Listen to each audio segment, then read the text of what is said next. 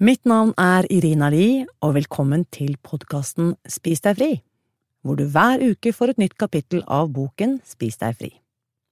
Hvis du vil høre hele boken med en gang, finner du den overalt hvor lydbøker selges, eller på nettsiden spisdegfri.no.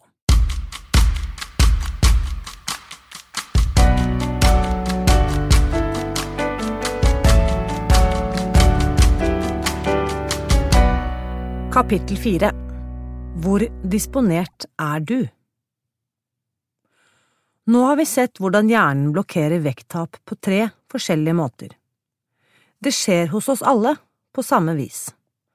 Alle opplever å falle i et viljestyrkehull fordi vi har et område i den fremre hjernebarken, anterior singulate cortex, som blir tappet for energi av å sjekke e-post og utføre andre daglige oppgaver. Dessuten skjer det flere ganger i løpet av dagen at vi snubler i viljestyrkefellen fordi vi blir konfrontert med sukker og mel stadig vekk. Hvis det forholder seg slik, hvorfor er ikke alle overvektige? Et helt rimelig spørsmål, og jeg har et svar på det. I hovedsak er alle eksponert for det samme fenomenet, men ikke alle er like mottagelige. La meg forklare. Mange tror at avhengighet dreier seg om det aktuelle stoffet, at heroin i seg selv er avhengighetsskapende, og følgelig at enhver som bruker heroin over en viss periode, per definisjon vil bli hektet. Hvis du definerer avhengighet på grunnlag av toleranse og abstinenser, kan det være riktig. Men hvis 100 000 pasienter sendes hjem etter operasjon, og får med seg smertestillende opiater for flere ukers bruk, vil vi se at noen ikke tar tablettene i det hele tatt, andre avvennes greit på egen hånd til tross for smertesymptomer, og noen vil bli skikkelig avhengige. Alkohol er avhengighetsskapende og mye brukt, men vi vet alle sammen at ikke alle blir alkoholikere. Noen kan fungere som av- og pårøykere, andre kan drikke kaffe bare de gangene de har lyst på det. Noen kan klare seg med eller uten. Og så er det noen som ikke kan klare seg uten. Når det gjelder sukker og mel, trodde jeg i mange år at enten er du avhengig, eller så er du ikke det. Første trinn i en avvenningskur for matavhengige måtte være å finne ut om de blir handlingslammet eller ikke når det gjelder mat men da jeg begynte å se nærmere på dette spørsmålet som fagperson og forsker, så jeg etter hvert et mer nyansert bilde. Statistikk over menneskelige særtrekk ser ut til å følge prinsippet om en klokkeformet normalfordeling. Hvorfor skulle ikke disposisjon for matavhengighet følge samme mønster? Det var ikke bare løse spekulasjoner. Jo mer jeg gikk inn i spørsmålene sammen med folk jeg jobbet med, dess tydeligere ble det at jeg var på sporet av noe. Et stort antall mennesker var definitivt ikke matavhengige i samme grad som jeg, og de var ikke interessert i veiledning fra et tolvtrinns avvenningsprogram som jeg hadde benyttet meg av, fordi de ikke hørte hjemme der. Likevel var de matavhengige til en viss grad, de hadde absolutt et problem med vekten sin, og de visste at de vanlige slankediettene aldri ville fungere for dem. Etter hvert fant jeg ut at om de virkelig skulle oppnå målet å bli lykkelige, slanke og frie, måtte de først forstå hvor lettpåvirkelige deres egne hjerner var, og ta utgangspunkt i det. Derfor opprettet jeg det jeg kaller The Susceptibility Scale, mottagelighetsskalaen. Skalaen går fra én i den laveste enden til ti i den høyeste, og den hjelper deg å forstå i hvilken grad hjernen din reagerer på belønningsverdien av mat som kan skape avhengighet. Da jeg begynte å utvikle dette prinsippet, hadde jeg flere hundre e-postadresser på abonnentlisten min og skrev ofte om mottagelighetsskalaen. Folk henvendte seg til meg og spurte om jeg hadde en quiz eller en annen måte de kunne teste sin egen mottagelighet på. Å lage en slik test ble en av mine fremste prioriteringer. Jeg utviklet The Susceptibility Quiz, også kjent som The Food Freedom Quiz. Foreløpig finnes denne testen kun på engelsk. Quizen består av bare fem spørsmål, men de retter seg inn mot akkurat det som skiller folk som ikke har problemer med matinntaket, fra dem som må slåss mot trangen til å la seg overmanne. Quizen er lagt opp for å undersøke forholdet ditt til mat i løpet av de verste tre månedene av matavhengighetsperioden. Hvorfor? Fordi når du først har begitt deg ut i ukontrollert overspising, er sporene lagt i hjernen. Det er ikke sikkert at de er aktive lenger, men de forsvinner aldri, så du må alltid være mer på vakt overfor matinntaket enn en som aldri har slitt med overspising. Er du nysgjerrig etter å få vite hvordan du scorer? Spørsmålene er enkle, men scoringssystemet er faktisk nokså komplisert. Så jeg har lagt opp en quiz på nettet som kan kalkulere for deg. Du kan gå rett inn på www.spisdegfri.no skråstrek test og finne ut i hvilken grad du er disponert for overspising. Testen er kun tilgjengelig på engelsk, og jeg skal forklare deg resultatene når du er ferdig. Sett i gang, det tar bare et par minutter. Jeg venter. Én til tre poeng. Lav mottagelighet, lite disponert. I en evolusjonsmessig fjern fortid ville lav mottagelighet antagelig ikke vært en fordel når det gjaldt overlevelse. Men i våre dagers uanstendige matoverflod kan du anse deg som heldig. Kroppen gir deg pålitelig tilbakemelding når det er på tide å slutte å spise. Om du er blant dem som scorer aller lavest på skalaen, kan det faktisk hende du har et problem ved ikke å tenke nok på mat. På en veldig travel dag kan det hende du glemmer å spise, og blir nødt til å ordne livet ditt så du husker å spise den riktige maten til rett tidspunkt. Da filmen The Curious Case of Benjamin Button ble lansert, var Brad Pitt og Kate Blanchett gjester i TV-programmet Opera. En beundrer som tilfeldigvis var kokk, tilbød seg å lage favorittmaten deres og spurte hva de likte best. Begge skuespillerne satt der i villrede inntil Kate Blanchett omsider fikk sagt En bolle ris kan være bra av og til. Brad Pitt bomlet noe om at eh, ja ja, mat er ikke akkurat det som er på radaren min. Jeg ble helt satt ut. Hvordan kunne det ha seg at de ikke hadde noen formening om hva de likte å spise? Det var helt hinsides min erfaring. Opera lente seg frem mot publikum og sa, Jeg vet ikke hvordan dere har det, men jeg kunne aldri ha sagt noe sånt som det de to nettopp gjorde. Alle lo, og stemningen var god igjen. Men hvis du ligger lavt på mottagelighetsskalaen, er det sånn forholdet ditt til mat er. Mat er næring, ikke noe mer spesielt enn som så, eller det kan innebære et øyeblikks glede, som raskt er over og glemt. Hvis du scorer i området én til tre, kan Bright Line-metoden likevel være til hjelp for deg. Det kan den faktisk. En av bootcamp-deltakerne mine, Darlene Saeva, var en ivrig løper. Hun trente jevnlig og hadde fullført 28 maratonløp i voksen alder. Men i 2013 fikk hun en alvorlig skade i øvre del av nakken og ble nødt til å slutte å løpe. Selv om hun alltid hadde vært forsiktig med maten, la hun på seg nesten 13 kilo i løpet av ett år. Ikke den helt store vektøkningen, men det plaget henne likevel.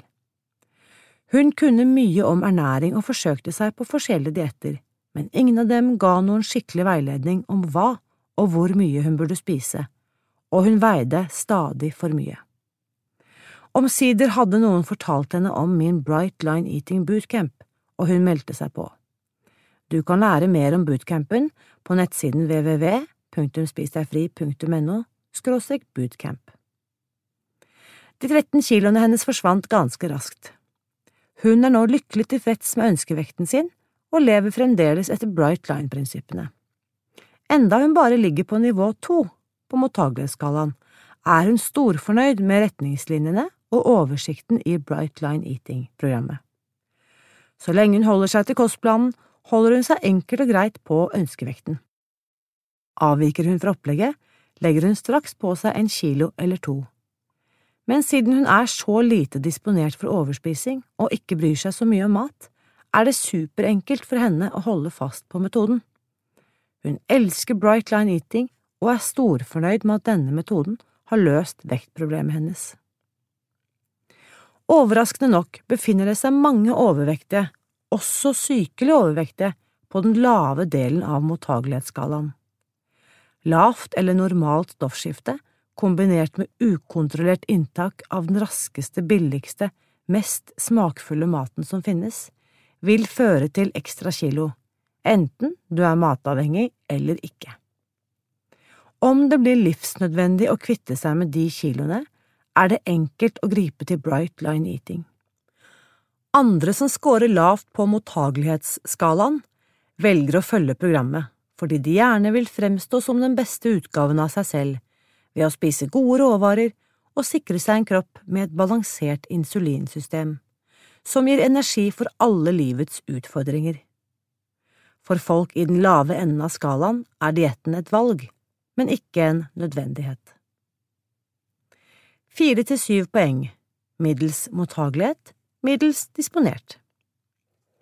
Hvis du befinner deg midt på mottagelighetsskalaen, opplever du nok mat som en utfordring.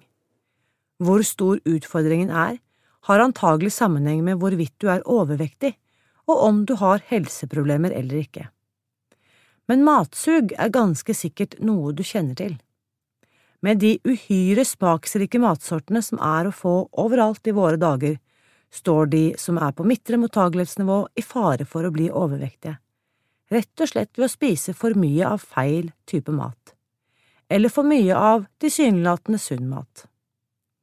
På en bootcamp nylig hadde jeg en kvinne som levde på planteføde og var meget bevisst når det gjaldt helse. Men før bootcamp-kurset spiste hun for mye av melvarer og kjente seg tappet for energi, deprimert og frustrert. Hun mente jo at hun gjorde alt riktig. Nå har hun gått ned de 18 kiloene som hadde plaget henne i mange år, og er full av energi. Omtrent 24% av de som melder seg på en Brightline Eating Bootcamp, er i middelsområdet på mottagelighetsskalaen, og de oppnår ofte strålende resultater.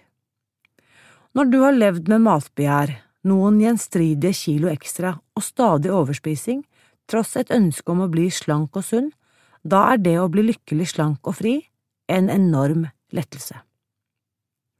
Moren min hører til middelsområdet på mottagelighetsskalaen. Hun har deltatt på en bootcamp og er blitt en overbevist Bright Line-tilhenger. Hennes forhold til mat kjenner jeg nesten like godt som mitt eget.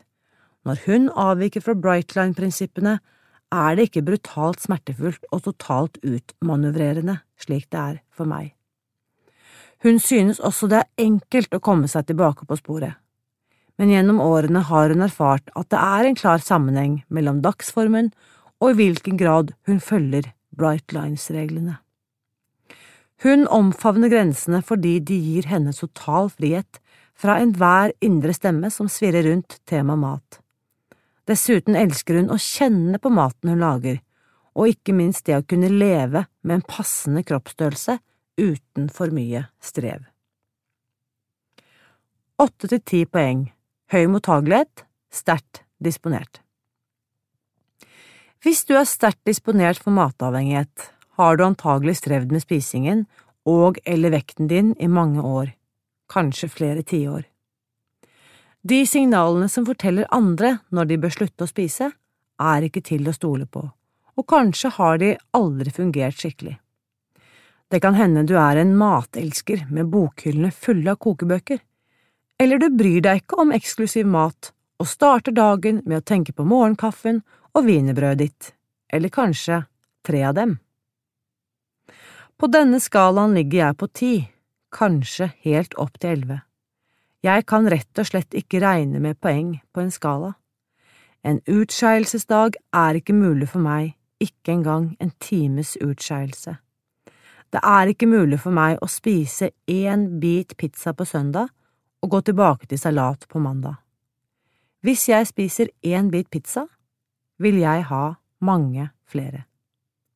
Så løper jeg rundt for å finne småkaker eller potetgull eller iskrem å fylle opp med.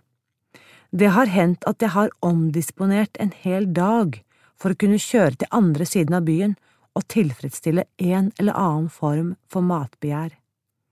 Å spise langt utover metthetsfølelsen var helt vanlig. Alt dette matstyret plaget meg veldig. Jeg tenkte på mat mye oftere enn jeg ønsket, og jeg forsøkte et uant antall metoder for å få maten og vekten min under kontroll.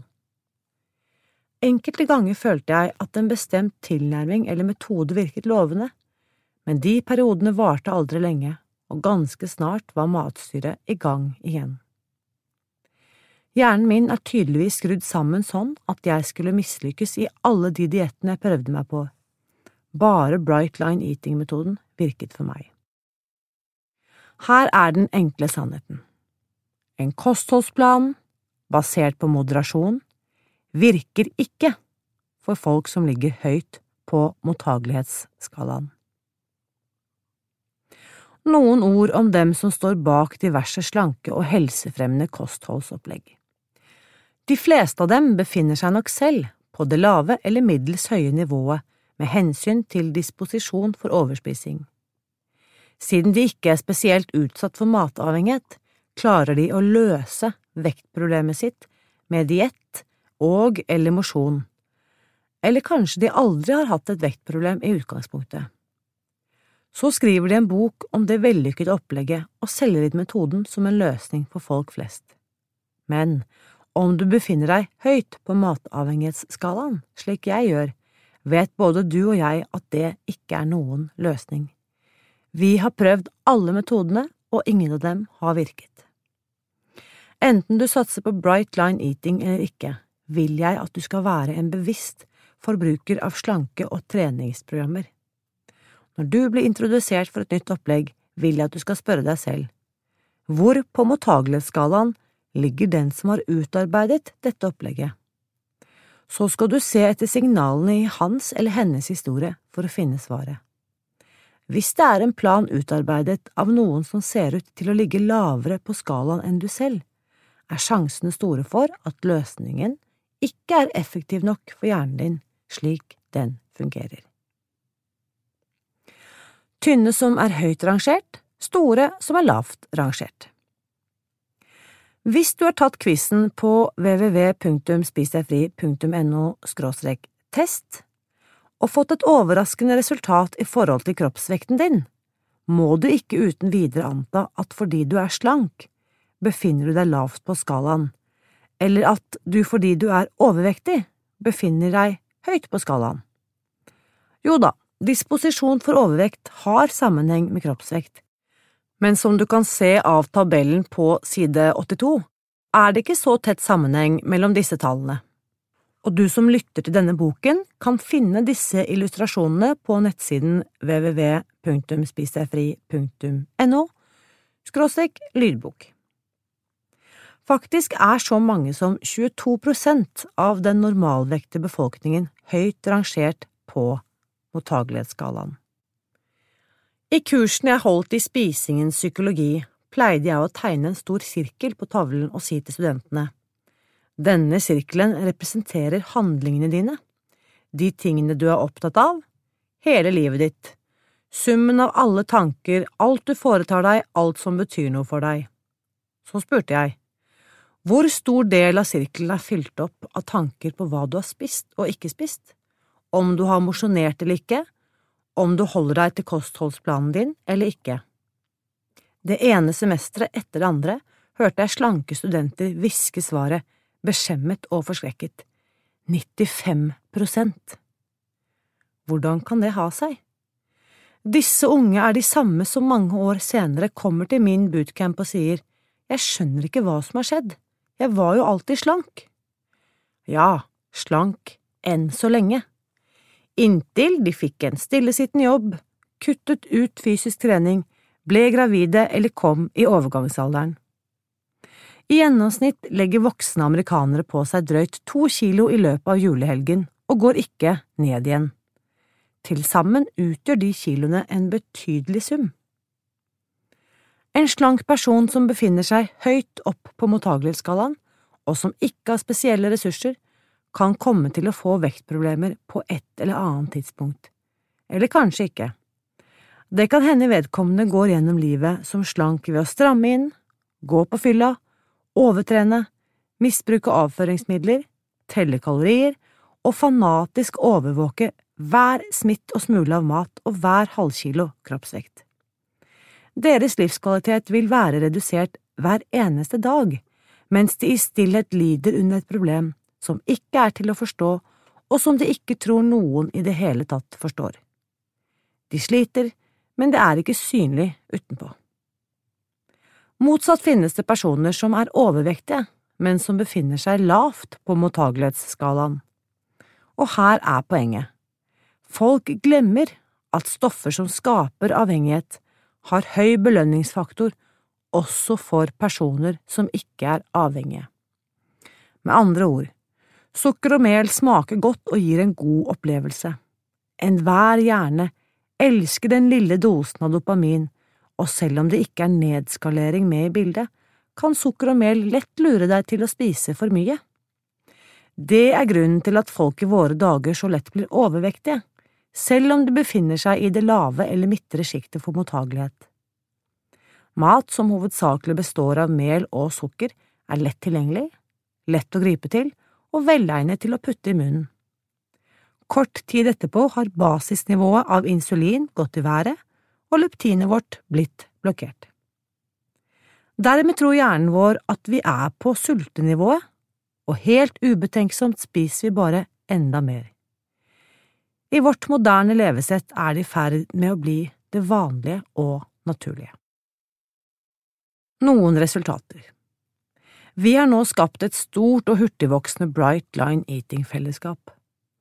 Av og til kjører vi kampanjer for å opplyse folk om graden av mottagelighet når det gjelder matavhengighet, og hva det innebærer i deres tilfelle. Over 350 000 personer har tatt quizen hittil. Det er viktig å ha i bakhodet at denne gruppen er alt annet enn et representativt utvalg av en befolkning. Folk flest er tiltrukket av Bright Line Eating fordi de er misfornøyd med vekten sin, med forholdet sitt til mat eller begge deler. Naturligvis må vi forvente at fordelingen av respondentene lener seg tungt mot den øvre enden av skalaen. Derfor fant arbeidsgruppen min og jeg ut at vi skulle undersøke hvordan hele den amerikanske befolkningen fordeler seg. Det er ikke lett å fremskaffe et representativt utvalg av en hel befolkning, men det finnes forskningssentre som foretar målinger på skikkelig vis, så vi hyret et firma til å undersøke for oss. På side 84 vil du se en fordeling av mottagelighetsgrad i hele befolkningen. Tabellen vil du kunne finne på nettsiden www.spisdegfri.no skråstrek lydbok. Som du vil se på denne tabellen, fordeler svarene seg ganske jevnt, med en liten topp i kategorien syv til åtte. Omtrent en tredel av befolkningen faller i det lave sjiktet, og en tredel i mellomsjiktet, mens rundt 18% havner i det høyeste sjiktet, 9 til 10. Det passer med forskningsresultatene fra Yale, som viste at omtrent 19% av befolkningen lider av ukontrollert matavhengighet.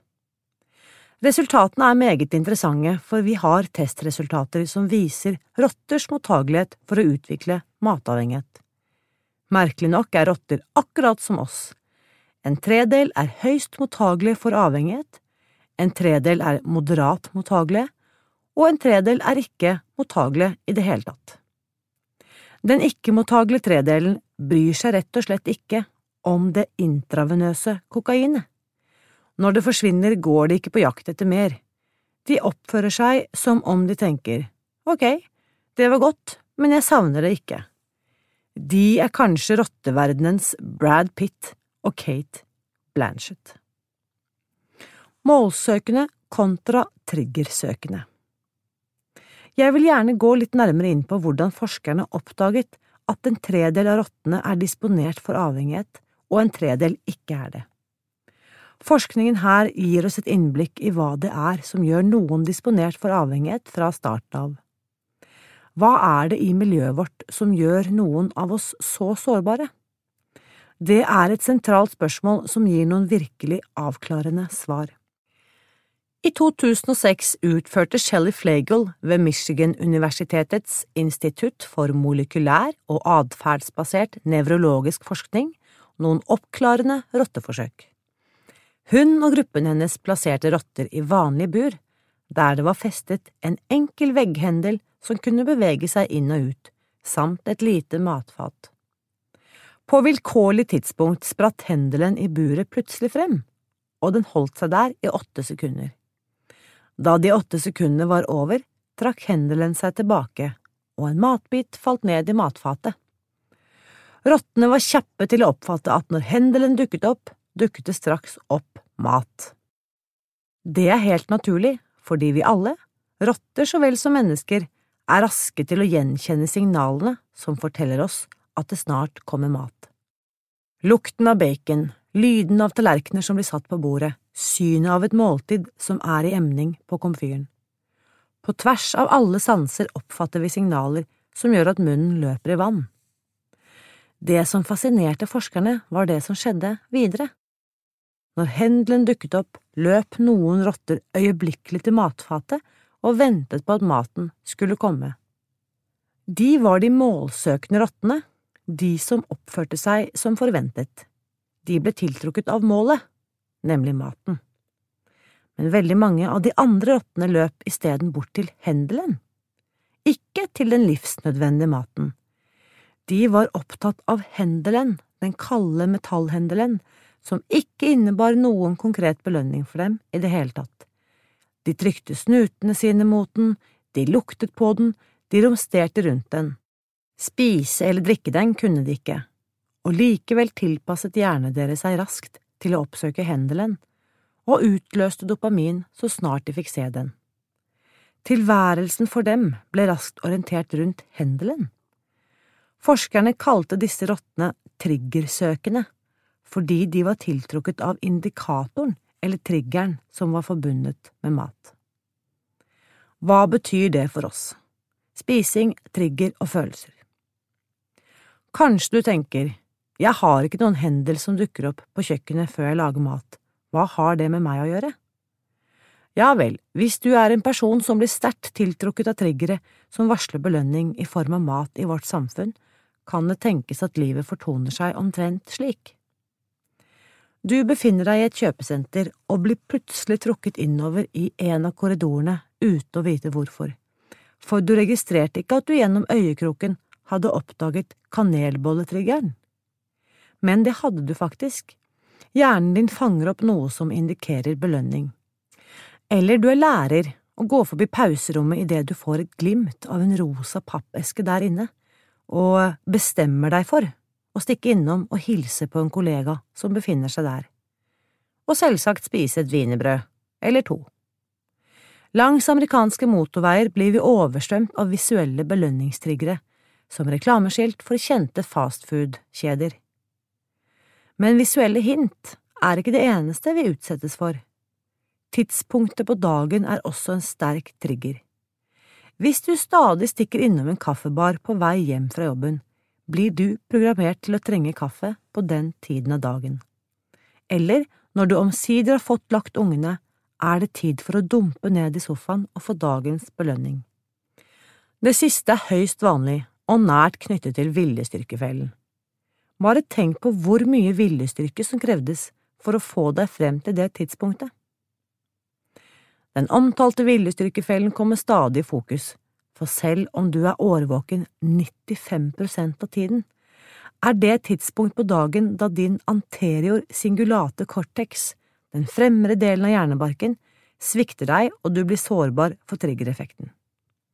Kanskje du spiser fordi det er fredag kveld, eller fordi favorittprogrammet ditt er på TV, eller fordi du er på ferie, eller fordi du leser.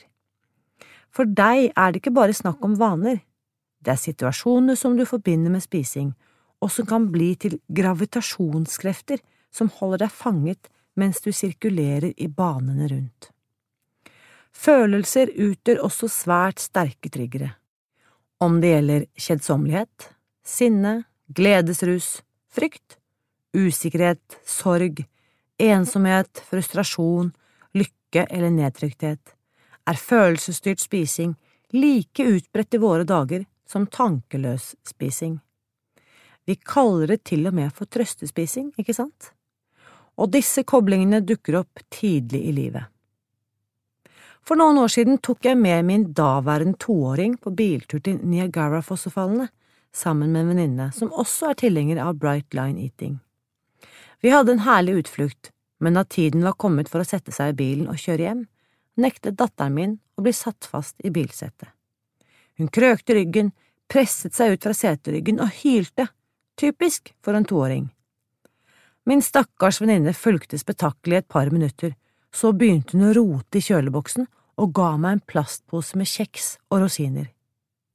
Jeg kastet posen på gulvet i bilen og fortsatte å prøve å få festet sikkerhetsbeltet på datteren min. Da jeg klatret inn i forsetet for å begynne å kjøre, trakk jeg pusten dypt og bestemte meg for å tilby en annen type mat, tankenæring. I en så vennlig tone som det var mulig å oppdrive, sa jeg til min venninne. Ser du hva du nettopp gjorde? Maja var ikke sulten, hun var sint fordi hun måtte settes fast i bilsetet igjen. Du ville at jeg skulle gi henne noe å spise, men det hadde ingenting å gjøre med det hun var sint for. Gjør du det der ofte nok, kan du komme til å lære barnet ditt at negative følelser er et signal for å spise. Hun ble helt satt ut, og da vi kjørte hjemover, snakket vi om moren hennes, som hadde gjort akkurat det samme med henne da hun var barn.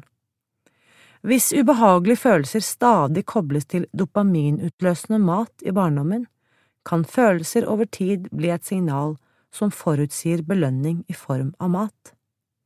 Når et barn gråter, hender det aldri at foreldrene sier Har du lyst på litt brokkoli? Det som tilbys er som oftest en kake, en kjeks eller noe annet som består av sukker og mel. Det er mye snakk om spising i sammenheng med følelser. I et slikt perspektiv er det følelser som blir triggeren. For alle oss triggersøkende finnes det et antall stimuli som trekker oss mot spising, følelser er som regel ett av dem. Ved starten av en bootcamp er det mange som sier til meg, jeg trenger å bli kvitt denne følelsen, da kommer jeg ikke til å overspise mer. Jeg vil heller anta at du trenger et opplegg som lærer deg å bryte koblingen til dette signalet. En siste tanke i denne forbindelse. Hvis du er en målsøker og mat er belønning, men stimuli som varsler belønningen ikke er det, vil det være ganske lett for deg å slutte å overspise. Du må gi opp den overskytende maten, det er det hele. Men hvis du er en triggersøker og i løpet av livet blir fanget inn av en mengde stimuli som varsler om belønning i form av mat, da er det å gi opp avhengighetsspisingen en helt annen sak. Hele livet er blitt til en eneste serie triggere om å spise. Trykket er usynlig og meget sterkt, og det å unnslippe kan synes omtrent umulig. Det vil si, umulig inntil du innfører spisevaner som er lagt opp for å løse nettopp det problemet.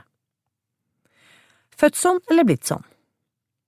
Før vi avslutter diskusjonen om triggersøking og målsøking, vil jeg ta opp et spørsmål som du kanskje har fundert på er det å være disponert for avhengighet genetisk eller miljøbetinget? Forskere har studert forholdet nærmere, og det viser seg at i hvert fall når det gjelder rotter, er det i stor grad genetisk betinget. Triggersøkende rotter som pares med andre rendyrket triggersøkende rotter, får nesten utelukkende unger som er triggersøkende. På samme måten får målsøkende rotter som pares med andre rendyrket målsøkende rotter, nesten utelukkende unger som er målsøkende. Avhengighet ligger i genene. Forskerne utførte et annet genialt eksperiment. De tok for seg to ikke-avhengige, målsøkende rotter og paret dem, slik at de fikk et helt kull av ikke-avhengige unger. Så flyttet de noen av ungene ut og lot dem vokse opp i isolasjon, noe som er stressende for en rotte, på samme måten som det skaper følelsesmessige traumer hos menneskebarn.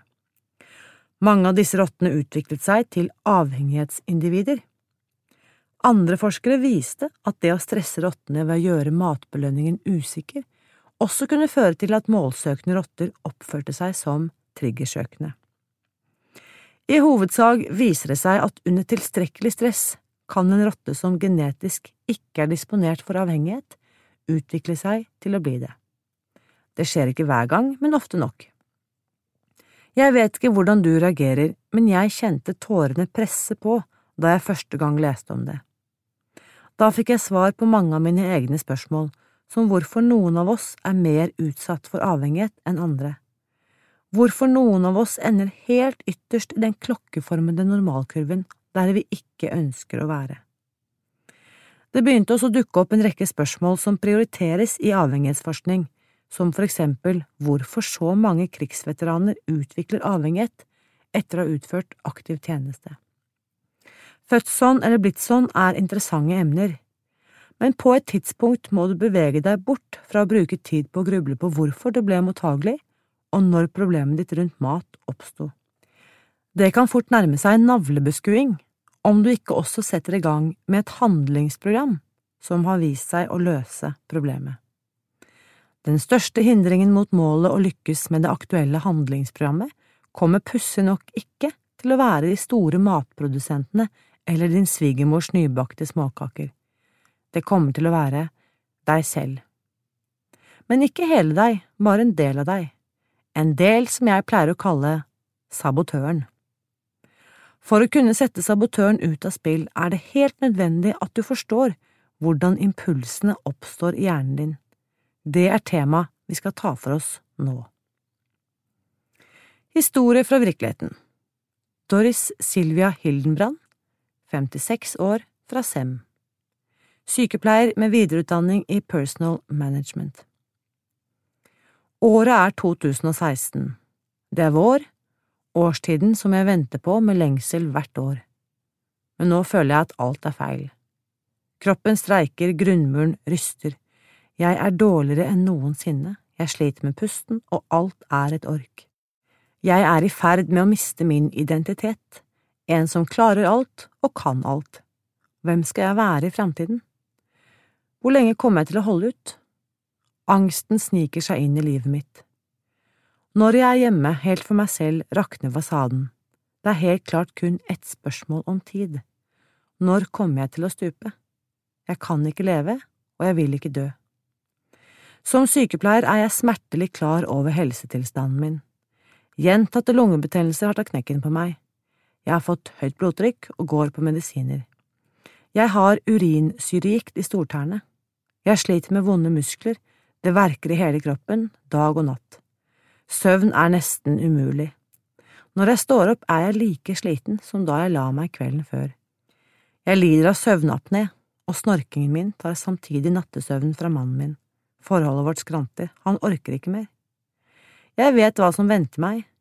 Diagnosen diabetes er ikke langt unna. Slag og hjerteinfarkt vinker på meg allerede. Framtiden er mørk og skremmende. Hva kommer til å skje med familien min når jeg blir syk? Kommer jeg til å oppleve at mine barnebarn blir voksne? Hvordan skal jeg forsørge meg og mine? Hva skjer hvis jeg ikke kan fortsette å jobbe? Om kvelden er sjokoladen min beste venn, og jeg innbiller meg at jeg trenger og fortjener den utslitt som jeg er. Sabotøren lurer meg trill rundt. Jeg elsker brødmat, det er enkelt og kjapt å tilberede. Selv om jeg er klar over at jeg er intolerant mot hvete, spiser jeg det likevel. Jeg betaler for det hver natt når jeg våkner av magesmerter. Hvor dum går det an å være? Jeg duger ikke, har ikke viljestyrke nok, klarer ikke å trene. Jeg er en slappfisk, en sofasliter. Selvtilliten er på bånn. Jeg føler meg fullstendig ubrukelig. Hvorfor klarer jeg ikke å gå ned i vekt? Jeg vet alt om sunt kosthold, kalorier, ulike dietter og ernæringslære, likevel får jeg det ikke til men innerst inne er det et håp, tross alt. En dag kommer jeg til å klare det. En vakker dag. Idet sommer blir til høst, snubler jeg over Irinas innlegg på Facebook om hennes suksess med Bright Line Eating. Jeg tillater meg ikke å håpe, etter å ha blitt skuffet så mange ganger. Men når jeg ser på introduksjonsvideoene, er det vitenskapen som fanger meg. Susan Pierce Thompson utstråler troverdighet og ærlighet. Endelig ser jeg et menneske som kaller en spade for en spade. På hennes mottagelighetsskala scorer jeg ti pluss, pluss, pluss. Det visste jeg allerede fra før. Jeg hopper i det, hva skal jeg vente på, jeg har ingenting å tape. Dårligere enn jeg er kan jeg ikke bli, tenkte jeg da. Der tok jeg feil. De første dagene var mer enn utfordrende, jeg slet med hodepine og var stuptrøtt. Magen gjorde opprør mot den uvante maten, samtidig følte jeg meg stappmett. Neste utfordring ble å lage ny mat. Hva skulle jeg lage, og hvor mye? I begynnelsen var det overveldende mye informasjon. Jeg brukte mye tid på å sette meg inn i matplanen. Jeg tok kurset på alvor og hadde meldt meg på researchgruppen samtidig som jeg meldte meg på bootcampen. Forpliktelsen hjalp meg. Nå måtte jeg fullføre kurset, uansett. I løpet av de åtte første ukene ble allting betraktelig bedre. Ved å planlegge måltidene sparte jeg tid, den faste strukturen ga meg en indre ro, stressnivået senket seg, det viste seg at mat hadde vært en enorm stressfaktor i livet mitt. Det la jeg først merke til da den ble borte. Men ingen klarer et slikt opplegg alene. Det gjelder å be om hjelp når man trenger det mest. Jeg har lurt på når mitt problematiske forhold til mat startet. Det begynte tidlig. Jeg husker at jeg lengtet etter søtsaker som vi barna sjelden fikk, og spiste dem i hemmelighet. I ungdomsårene var jeg sulten nesten hele tiden. Senere i livet mitt ble maten en form for velvære, noe som alltid var tilgjengelig, og som fylte mange funksjoner. Ernæring, kos, trøst, selskap og lykke. Min egen analyse har hjulpet meg på veien videre, og den er ennå ikke avsluttet. Jeg har funnet ut at det indre må forandres først, hvis det ytre skal forandre seg. Men hvis du spør meg hva som får meg til å fortsette med Bright Line Eating, er svaret mitt spenningen. Jeg er nysgjerrig på å møte meg selv. Hvor slank jeg kommer til å bli, eller hvordan jeg kommer til å bli seende ut, er bare en del av helheten. Hvem kommer jeg til å bli, er mye mer spennende. Hvordan kommer selvbildet mitt til å forandre seg? Hva vil jeg beholde av mitt gamle jeg? Hvilke goder er verdt å ta med i det nye livet? Hvilke nye ferdigheter kan jeg erverve? Og hva gjør jeg etter at jeg har nådd den vekten jeg ønsker meg? Disse spørsmålene har jeg ikke svaret på foreløpig. Jeg er fortsatt på vei. Noen dager er veien svingete, andre dager er den humpete, men plutselig er alt blank glede. Følelsen sier meg at jeg i hvert fall er på riktig vei. Vekten går nedover samtidig som selvtilliten stiger. Folk spør hva jeg driver med. Du har gått ned i vekt, og du ser så frisk ut, hva har skjedd med deg? Svaret er at jeg har funnet løsningen. Det i seg selv er befriende. Jeg kan hive av meg ballasten jeg har båret med meg både i hodet og i huset. Jeg har skapt plass for nye tanker og prosjekter. Det er mindre rot og kaos overalt, og det føles så deilig. Jeg kan tenke på framtiden med glede istedenfor gru. Nye muligheter åpner seg, og jeg har energi til å utforske dem. Nå kan jeg istedenfor at jeg bør. Det er selve livet jeg har fått i gave.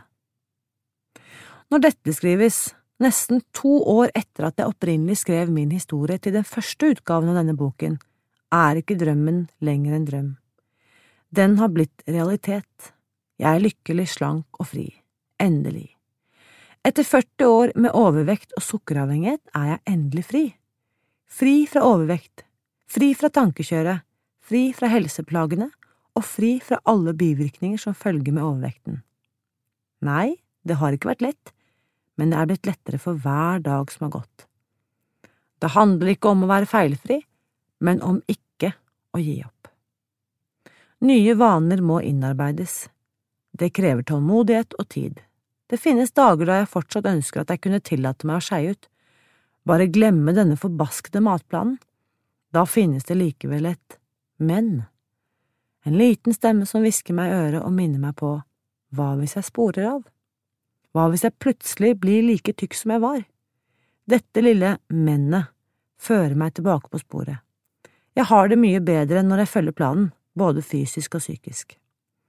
Bare tanken på å spore av skremmer meg. Hadde jeg da funnet kreftene til å begynne om igjen? Til å gå hele veien en gang til?